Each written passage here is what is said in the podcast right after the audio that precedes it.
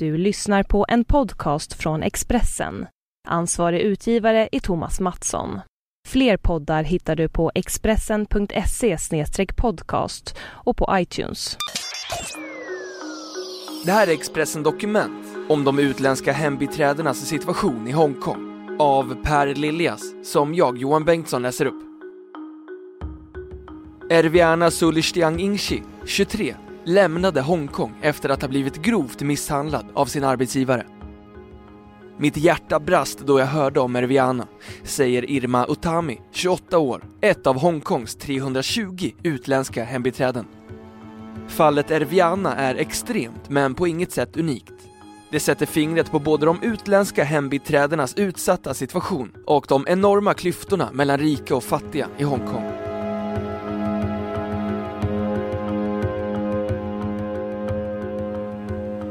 När Erviana flög från Hongkong den 10 januari lämnade hon en mardröm bakom sig. I åtta månader hade den 23-åriga indonesiskans arbetsgivare misshandlat henne så grovt att hon nu knappt gick att känna igen. Hennes mjuka, flickaktiga drag hade ersatts av ett utmärglat, ärrat ansikte med kantstötta tänder. Skollade av hett vatten hade Ervianas fötter färgats svarta och bar på öppna sår. Hennes fall är extremt, men på inget sätt unikt. Det sätter fingret på de utländska hembiträdenas otroligt utsatta situation i Hongkong, samt på stadens enorma ojämlikheter.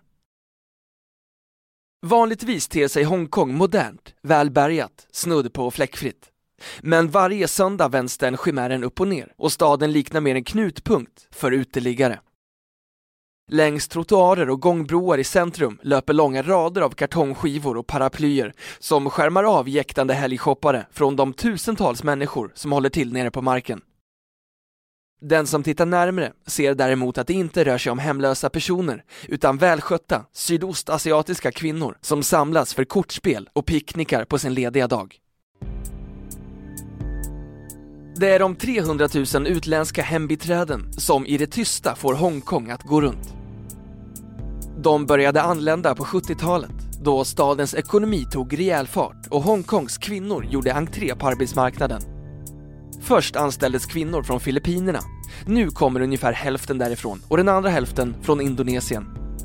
Enligt lag är de tvungna att bo hemma hos sina arbetsgivare, men i den trångbodda megastaden innebär det som bäst en liten skrubb att kalla sin egen. Så om söndagarna söker de sig ut på offentliga platser för att umgås. En vintersöndag tog de däremot till gatan av en helt annan anledning. Tusentals kvinnor med pannband där det stod “Justice for Erviana” tågade till den centrala polisstationen och regeringsbyggnaden, högljutt skanderande “Vi är arbetare, inga slavar”. I jämförelse med andra populära destinationer för arbetsmigranter som Mellanöstern, Malaysia och Singapore har Hongkong kunnat skryta med relativt goda förhållanden. Deras arbetare utlovas en dags ledighet i veckan och har en minimilön på drygt 3000 kronor i månaden. Men då deras rättigheter kränks är de ofta försvarslösa. Erviana skulle tjäna sex gånger så mycket som hembiträde i Hongkong än vad hon gjorde som butiksassistent i Jakarta.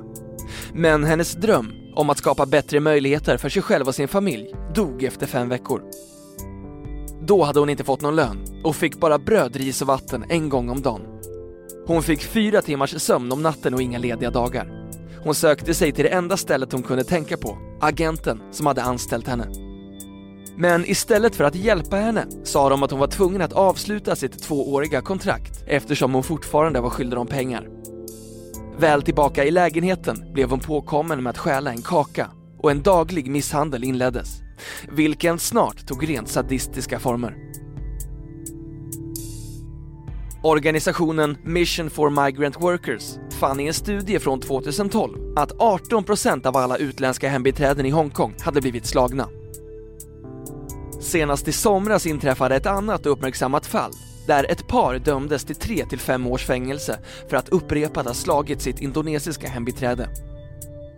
Erviana misshandlades tills hon längre inte kunde gå. Då hon till slut släpptes var det med hotet att hela hennes familj skulle mördas om hon berättade sin historia. Men hon beslutade sig för att prata och sedan dess har en rad ytterligare fall uppdagats. Efter att två andra kvinnor vittnat om att Ervianas arbetsgivare misshandlat även dem greps kvinnan den 20 januari när hon försökte checka in på ett flyg till Thailand. Nu väntar en rättegång mot henne.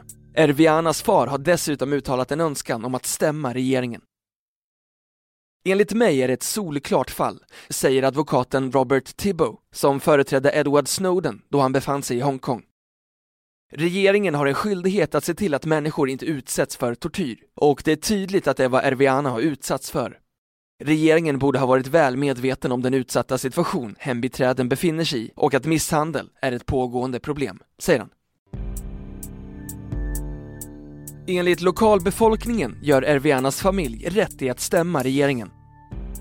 Att ytterst få kom ut och demonstrerade med hembiträdena beror nog mest på en ovana att ta till gatan för annat än deras egna omedelbara rättigheter. I en opinionsundersökning av dagstidningen South China Morning Post uttryckte ändå 86% av läsarna att de inte tyckte att regeringen hade gjort tillräckligt för att skydda utländska hembiträden. Hoppet är nu att protester och en rättsprocess ska leda till lagändringar som kan skydda arbetsmigranterna i framtiden. Men många frågar sig naturligtvis också hur människor är funtade som överhuvudtaget kan behandla människor på det här viset. Enligt Avery Ng, vice ordförande för Hongkongs politiska parti League of Social Democrats, handlar problemet om sociala klyftor snarare än rasism. Hongkong är ett neoliberalt experiment. De flesta är inte ens medvetna om klasskampen, säger han. Regeringen har helt släppt frågan om social politik och mänskliga rättigheter sedan Kina tog över makten. Folk har tappat motivationen, säger han. De sociala klyftorna i Hongkong, vars BNP per capita är på samma nivå som Storbritanniens, är större än någon annanstans i den utvecklade världen.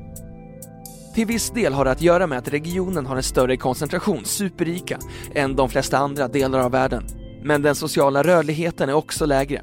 Välfärdsbidrag i svensk mening existerar i stort sett inte. Även om de utländska hembiträdena inte utgör den fattigaste gruppen är de definitivt den mest statiska sett ur klassynpunkt. Inte minst eftersom att de saknar rätt till att bli medborgare. Kasmira, ett 32-årigt indonesiskt hembiträde, var en av alla de som deltog i demonstrationen för att visa sitt stöd till Erviana. Det är läskigt med det som hände Erviana. Nästa gång kan det vara någon av oss, sa hon.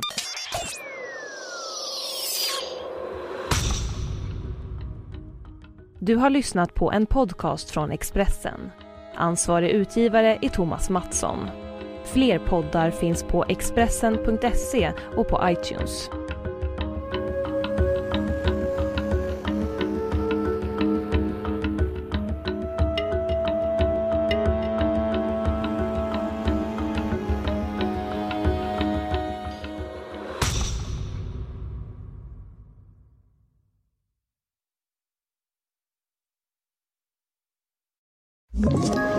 Ett poddtips från Podplay. I podden Något Kaiko garanterar östgötarna Brutti och jag, Davva, dig en stor dos skratt. Där följer jag pladask för köttätandet igen. Man är lite som en jävla vampyr. Man har fått lite blodsmak och då måste man ha mer. Udda spaningar, fängslande anekdoter och en och annan arg rant. Jag måste ha mitt kaffe på morgonen för annars är jag ingen trevlig människa. Då är du ingen trevlig människa, punkt. Något Kaiko, hör du på Podplay. Därför är gardinerna.